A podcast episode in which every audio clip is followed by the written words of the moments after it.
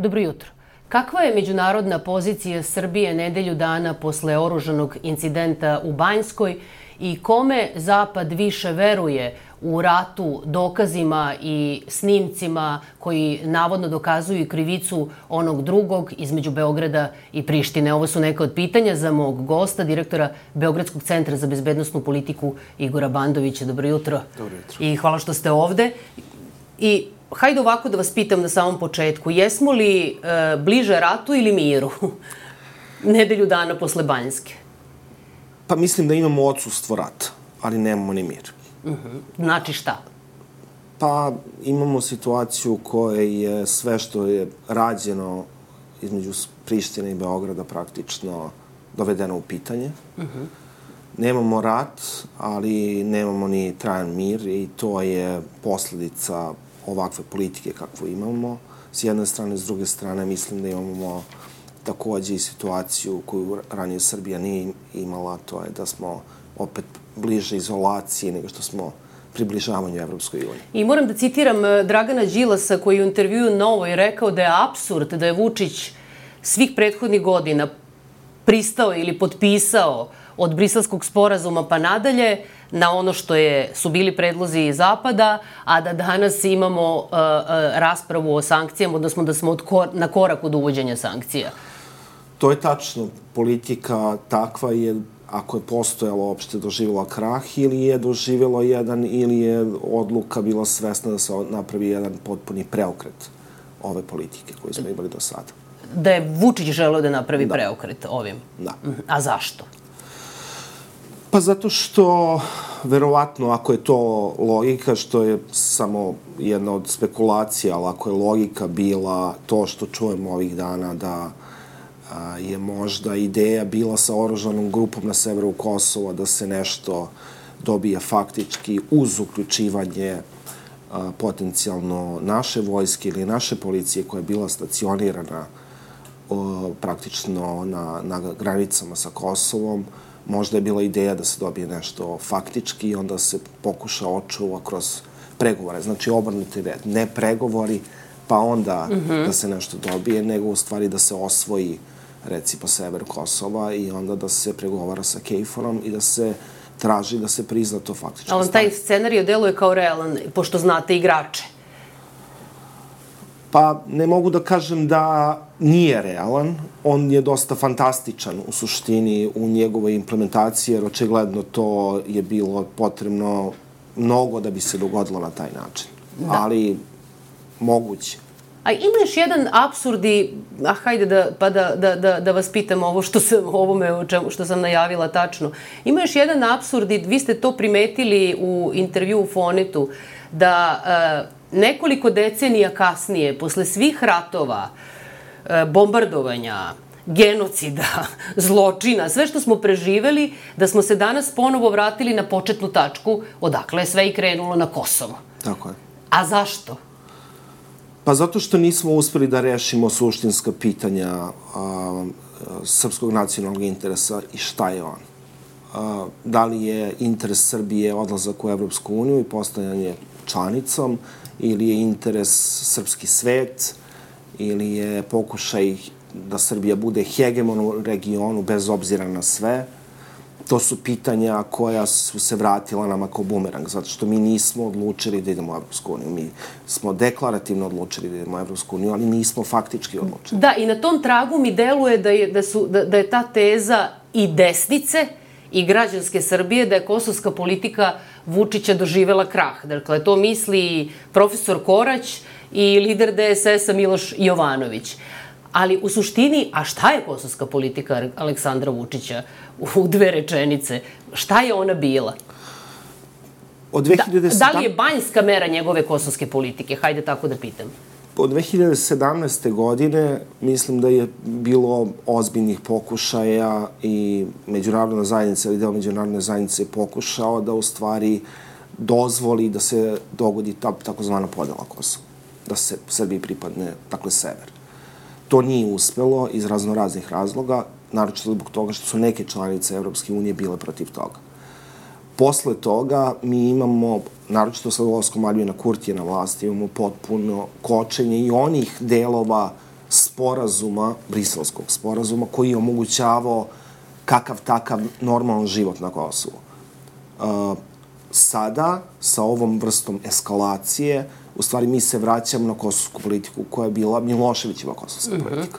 I to je u stvari taj krug. Mi nik, nismo izašli iz tog začaranog kruga nacionalizma gde u stvari um, etnos određuje teritoriju. Jer suštinski mi imamo sporazumevanje o normalizaciji, o implementaciji sporazuma o normalizaciji, a onda razgovaramo u potpuno nenormalnoj situaciji, posle Absolut. nenormalnog incidenta. I imamo potpuno dve različite realnosti. Mm -hmm. Imamo pri, razgovore u Briselu, gde se u stvari govori da će te zemlje, kada do, se dogovore, da postanu članice Evropske unije, a na terenu imamo situaciju gde te dve strane praktično ratuju.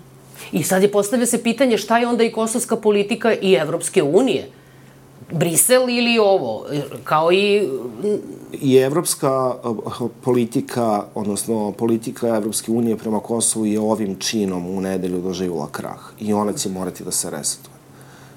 Ono što je postignuto briselskim sporazumima, pa onim, onim osnovnim novim sporazumom i ohridskim sporazumom, u stvari očigledno ne, ne, drži, ne drži vodu. Da. I to je glavni problem sad. I vratit ćemo se i na to, ali hajde ovo da, kakva je međunarodna pozicija Srbije sad nedelju dana posle incidenta, posle ocene zapadnih saveznika da je reč o terorističkom aktu, uh, vrlo otvoreno o tome govore, posle najave da se razmišlja, razmišlja o, razmišlja o kaznenim merama prema Srbiji, dakle šta, je, šta smo mi u očima Zapada? Pa već sigurno dve godine imamo ovaj, poljuljan imidž Srbije kao kandidata za članstvo u Evropskoj uniji. Mislim da mi nismo uspeli da odgovorimo na tri ključna pitanja ili nismo uspeli da odgovorimo na adekvatan način da tri ključna pitanja današnje ovaj, politike u Evropi. Jedno je pitanje uvođenja sankcija Rusiji, uh mhm. -huh. što nismo uradili i što nas čini jednom redkom zemljom u Evropi koja to nije uradila. Drugo pitanje je pitanje vladavine prava, gde takođe ne uspevamo da otvorimo ni jednu klaster poglavlje mhm. već dve godine, niti ćemo ove godine.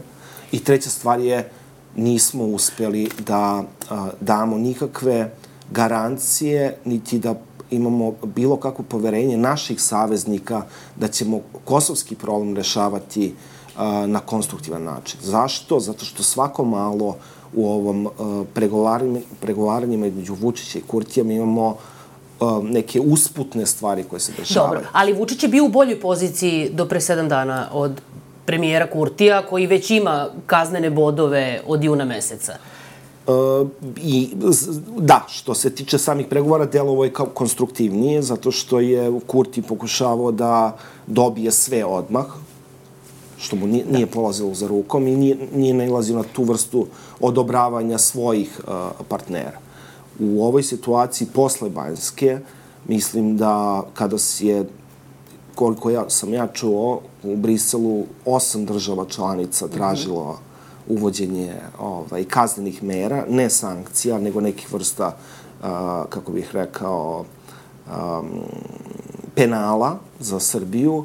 Mislim da smo u jako teškoj poziciji. I šta bi bila posledica tih penala kada je reč o našem položaju? Dakle, ne mislim da na, na unutrašnjem političkom planu, nego na naš položaj na međunarodni. Šta je posledica toga? Kurti nije imao bog zna kakve posledice. Da li bi Vučić imao? Pa ja mislim da su ovde posledice teže, zato što su, zato što je prvo ovaj akt okarakterisan kao teroristički akt. Mislim da će međunarodna istraga koja će definitivno slediti, u stvari pokušavati da utvrdi da li je Srbija svesno i namerno pomogla u organizovanju terorističkog akta. Ukoliko se to utvrdi, mi ćemo da budemo jedna vrsta odmetničke države u međunarodnim odnosima koja sponzoriše praktično terorističke akte. Što se nije dugo, dugo vremena dogodilo uopšte u Evropi, što bi nas verovatno u tom smislu izjednačilo sa tim kako se tretira Rusija danas u Evropi. A, a da li mi u svojoj prošlosti imamo analogiju sa ovom današnjom situacijom Dakle, da, se na, da smo se nalazili iz perspektive međunarodne zajednice u sličnoj situaciji. Da. Šta je analogija? Analogija je 92. posle ovaj, uh, rezolucije Saveta bez, bezbednosti u Bosni, gde smo mi nastavili da imamo naše jedinice uh -huh. uh, u Bosni, iako je tražilo da se one povuku.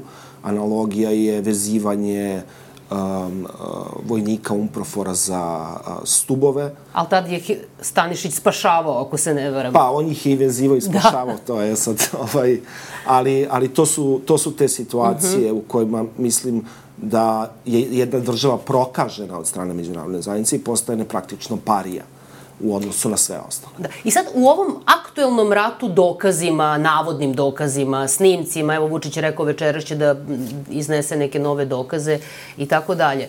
E, kome Zapad više veruje? Šta mislite? Nama koji tvrdimo da je izvršena egzekucija ili Prištini koja tvrdi da je Srbija upletena? Ja mislim da Zapad najviše veruje svojim sobstvenim očima, a mislim da oči Zapada su na Kosovu vrlo otvorene. Uh -huh. Uh, njihovi obavešteni podaci su nešto na osnovu čega oni grade svoju politiku, pre svega.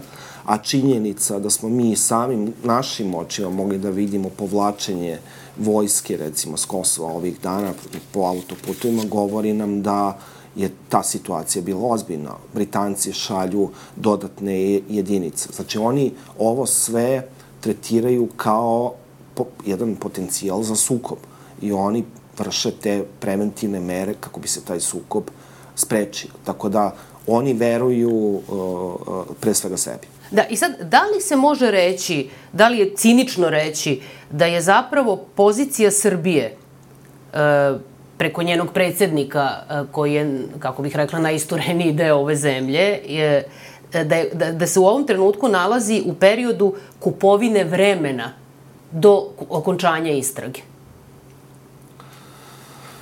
Pa, može da se kaže, ali ja mislim da je ovo više situacija u kojoj je šteta već načinjena, uh mhm. -huh.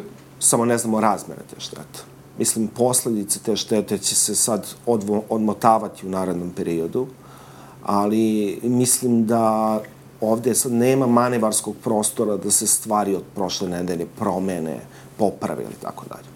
Mislim da se sam ovde govori o tome u kojoj meri će, da kažem, kaznena politika biti dosledna i u, a u kojoj meri će u stvari pregovori koji moraju i dalje da se nastave i dijalog uticati na to. U a smislu... da li vam zvuči, kako bih rekla, uh, pa i da kažem normalno da sad se uđe u dijalog posle ovoga. U kakav, o čemu dijalog? U Ohridskom sporazumu? O čemu dijalog? Oni će morati da razgovaraju. Da li će razgovarati I ja mislim da će Evropska unija insistirati na tome, uprkos ovome. Na koji način će to biti formulisano i šta će se promeniti, to ne znam, ali znam da će oni insistirati na primjeni Ohridskog sporazuma i dalje.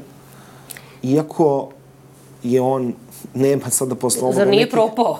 Pa, mislim, nije ni potpisan, konačno. Nije ni potpisan, ali mislim, Evropska unija nema ništa drugo što čime može da radi. A ona, ona mora da privoli strane da i dalje učestvuju. Verovatno se neće dogoditi sledeće nedelje, nema smisla i možda sledećeg meseca, ali mislim da će se nastaviti. Dobro. I sad, ajde da na primjeru Radojičića nekako to, to objasnimo. Politiku Srbije e, traži se faktički, to je rekao i Blinken, kažnjavanje e, kažnjavanje e, odgovornih, to je Borelj rekao takođe, pominje se izručenje, mi smo priznali, odnosno da je Radojičić na, na, na našoj teritoriji. I sad, da li se može reći da je Radojičić u ovom trenutku za Vučića uh, adut ili balast tipa Karadžić-Mladić? Pa verovatno će postati to. Postaće teret s kojim on neće znati šta da radi. Uh, ti zahtevi da počinioci uh, um, te oružane pobune budu kažnjeni će biti sve glasniji i glasniji. Ne znam u koj, na koji način će se postaviti ovde rukovodstvo. Mi smo uglavnom opet isto, ja nam govorim, pa, ako na izruči, o, ako izruči Kosovu, onda priznaje, onda bi bilo da priznaje, je li tako? Pa, A... može uvek da se nađe rešenje. Ja, ja postavljam tu pitanje da li će opšte bilo kome izručiti. Uh mhm. -huh. Zato što istorija uh, nam govori da mi nismo baš uvek izlazili u susret pritiscima međunarodne zajednice. Bilo se radilo o ratnim zločincima, ali o sumničanim za ratne zločine, bilo se radilo o onim, recimo imamo onaj slučaj paljenja američke ambasade, gde nikada nisu u stvari utvrđeni ko, ko su vinovnici tog dela i tako dalje. Mi uglavnom odgovaramo na to onako i, i, i, i, i, i nateći se, ali ovaj, um, to će odrediti u stvari na koji način će Srbija, odnosno Evropska unija, dalje gledati Srbiju. Ali ima tu sad nešto meni nelogično. Recimo, predsednik Vučić je pre neko veče na RTS-u govoreći o danu žalosti rekao, dan žalosti je zbog žrtava na srpskoj strani, ali i zbog poginulog policajca koji je, parafraziran ga, konačno građanin Srbije prema našem ustavu. I sad se ja pitam, e, ko, e, Ako je on građanin Srbije, ako smo ga mi žalili, zar Srbija ne treba da sudi ljudima ili da ih izruči onima koji će im suditi, što je takođe deo naše države, koji su ubili tog policajca kog smo mi žalili? Pa, bilo bi, bilo bi logično da ako to tretiramo kao sastavni deo naše teritorije, takođe, ako je to sastavni deo naše teritorije, ovo bi bilo verovatno neko krivično delo o narušavanju ustavnog poredka, oružanom pobunom ili taj, nešto slično. Međutim, um, činjenica na koji način je narativ. Da, spominje se taj kosovski policajac, ali to je samo kao uzgred budi rečeno. Uglavnom, narativ je da su ti ljudi koji su poginuli, koji su bili deo te jedinice, heroji, i ako su oni heroji, heroji ne treba da budu izručeni, tako da to mene opet vraća na priču o saradnji s Haškim tribunalom i svim onim mučnim godinama pokušaja da se to izbegne i na kraju su ipak morali svi da budu predani. Ako Evropska unija bude insistirala na tome i ako bude veoma snažna u, uh mhm. -huh. u, u zahtevanju takvih stvari, onda ćemo mi opet biti u problemu zato što mislim da a, će to uticati nas da budemo što dalje, odnosno počet ćemo da vodimo više antievropsku politiku nego što smo Jer Vučić, da, i Vučić juče kaže na, u svojoj izjavi na, na Instagramu e, ovako, u kontekstu konačno međunarodne pozicije Srbije. On kaže sledeće, e, da je pokrenuta, citiram, sveopšta kampanja protiv Srbije. E, on kaže takođe, ali mi imamo prijatelje, oni nisu brojni, ali su hrabri. I sad kakva je to poruka? Pretpostavljam da misli na prijatelje koji su bili prijatelji Miloševića 90-ih. Ne znam na, ko, na koje druge bi mogao da misli. Ali šta, šta je ta poruka sveopšta kampanja? Pa poruka je vrlo često su to neki, ovaj, kako bih rekao, vrlo često on pominje da postoji velika kampanja protiv Srbije, da svi ostali govore laži, a Srbija ne govori jedino istinu i tako dalje. Um, to Ali da li to sad može biti to, ka, kažete, Zapad više neće tolerisati? Ako oni dobiju poruku da, su, da oni vode sveopštu kampanju protiv Srbije, da li je ova pozicija drugačija od pre dve nedelje kada je takođe bila poruka da se protiv Srbije vodi kampanja i da Zapad laže? Ili Kvinta laže? Ove poruke su sve više jedan antagonizam koji vodi u neprijateljstvo prema Zapadu.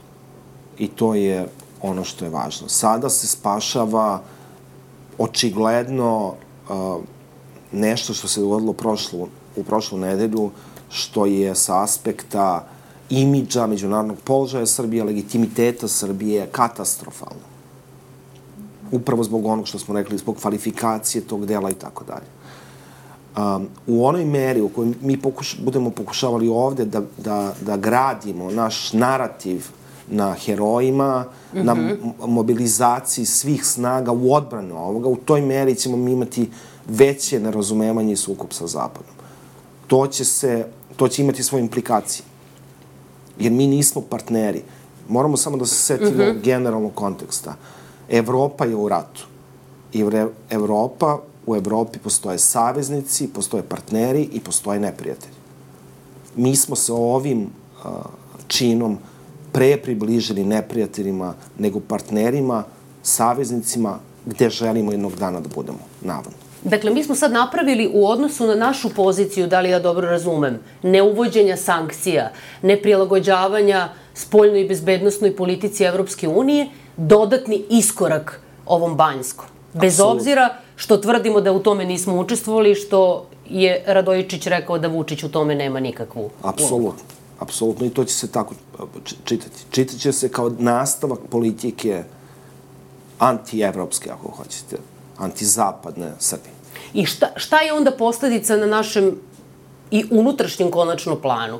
Da li to znači da Vučić više nije partner, kao što je Josip Juratović prošle nedelje e, rekao da treba se razmisli o tome ko je partner i ko je partner ako nije on? Jer on je legitimno izabran predsednik. Ja mislim da smo u fazi um, traženja drugih partnera. Uh -huh a mislim da on više nije partner i on zna da nije partner i oto da ta pojačana retorika s, s njegove strane. Mislim da se tu gubi uh, ta njegova nit i dominacija koju je imao kao jedini relevantan u Srbiji i mislim da će se to nastaviti. Ja mislim da ovo što se dogodilo u stvari će samo još više doprineti to. Jer u ovom trenutku ona poruka, ako se sećate, uh, iz februara meseca posle Ohridskog e, sporazuma i implementacijenog plana i svega i plana e, nemačko-francuskog plana je bila da se stvari do kraja godine suštinski završe. Iz ove perspektive to deluje kao kako da kažem, bulažnjenje. Da. Jel tako? Da. Znači, šta sad onda ako ne mogu da se završe? Da li se, ako se ne može Kosovo završiti do kraja godine, da li je onda se završava sa Vučićem pa se kreće sledeće godine posle evropskih i američkih izbora na restart? Šta, šta se dešava? Mm, prvo, mi ćemo imati verovatno izbore.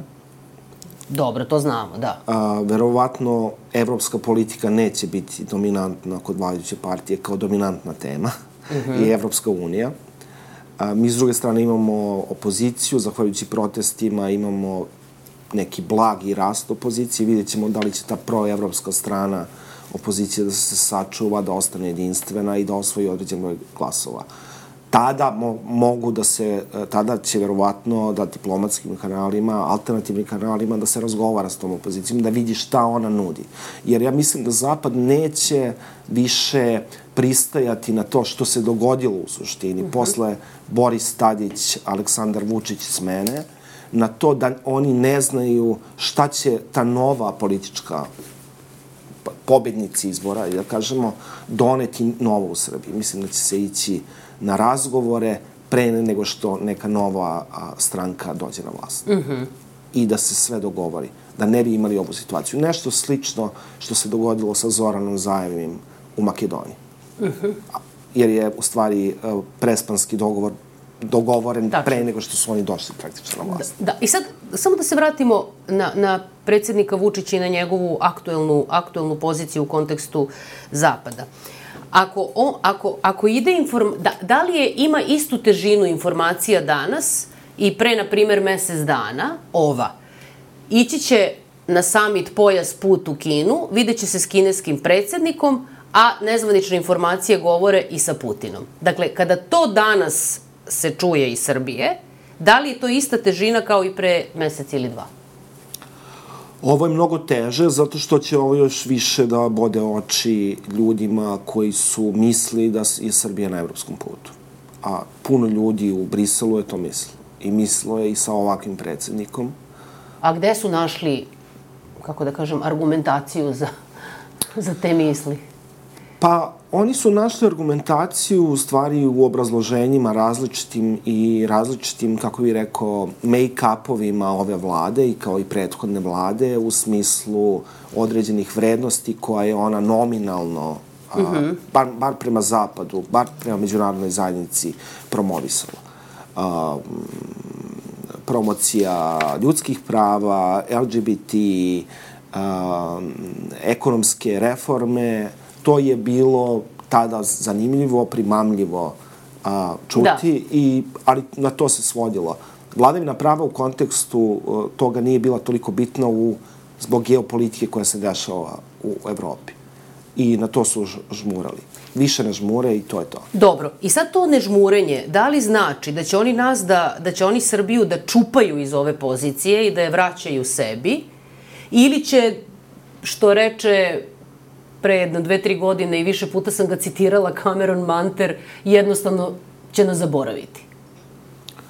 Ja mislim da će to biti, kako bih rekao, svesno zaboravljanje. Ja mislim da je to više stavljanje u kompartment, Dobro. više jedna vrsta izolacije nego zaboravljanje, zato što a, mislim da oni moraju da brinu o tome da ovde ne, ne dođe do nekog problema većeg, ali jedna vrsta otklona će biti definitivno. Dobro. I sad samo da se vratimo na, na, na početak. Ako se pokaže i dokaže da je Srbija, ta međunarodna istraga dokaže da je Srbija učestvovala na neki način ili znala za to što će se desiti u Banjskoj, da li Srbija postaje faktički onda sponsor terorizma u očima Zapada? Pa da. I to je posledica, ka, kakvu posledicu imamo? Kao ostale terorističke države čije smo ratove gledali na CNN-u ili šta? Kakva je, kakva je pozicija onda naša Pozicija će biti da ćemo biti izolovani, da ćemo biti tretirani kao što je tretirana Bel Belorusija, recimo, da- danas u Evropi. Ne mogu da kažem da ćemo biti tretirani kao Afrika, jer ipak je ovo Evropa, ali kao Belorusija. S, tim, s tom razlikom što prema nama neće imati puno obzira, Belorusija ima atomsko nuklearno naoružanje, pa prema njima moraju da imaju ipak malo više takta. Uh, uh, verovatno će uh, sagovornici ove vlasti biti potpuno skrajnuti, ne- neće se razgovarati s njima, neće biti pozivani na međunarodne forume, na sastanke i tako dalje.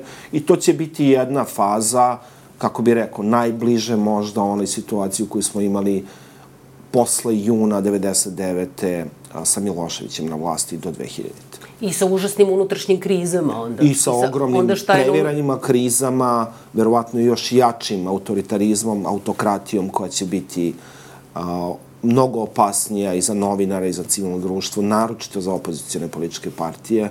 I to je period u kome mi praktično ulazimo. Ako, ako budemo imali praktično tu vrstu konfrontacije sa Zapadom. Ako nas proglase zapravo saučesnikom, Da. u, ako se dokaže da smo saučestvovali na bilo koji način u tom Da, tu bi samo Aktu? stavio jednu, uh, uh, uh, jedan, jednu rezervu. Ukoliko to bude u sukobu sa dijalogom, jer ako bi se previše vršio pritisak na Srbiju, onda o- ona mogla da odustane praktično, da kažemo tako, od dijaloga. Tako da taj dijalog koji, se, koji će se ponovo voditi, će moći možda da utiče da da šansu Srbiji da ne dođe u ovu situaciju o kojoj govorim. Što znači da će možda opet zažmuriti. Pa, Recimo. recimo. Hvala, hvala što ste bili gost e, emisije Iza vesti televizije N1. Hvala vam. Bio ovo uh, Igor Bandević, direktor Beogradskog centra za bezbednostnu politiku. Ostanite i dalje sa nama. Posle pauze Nataša se e, vraća u studiju.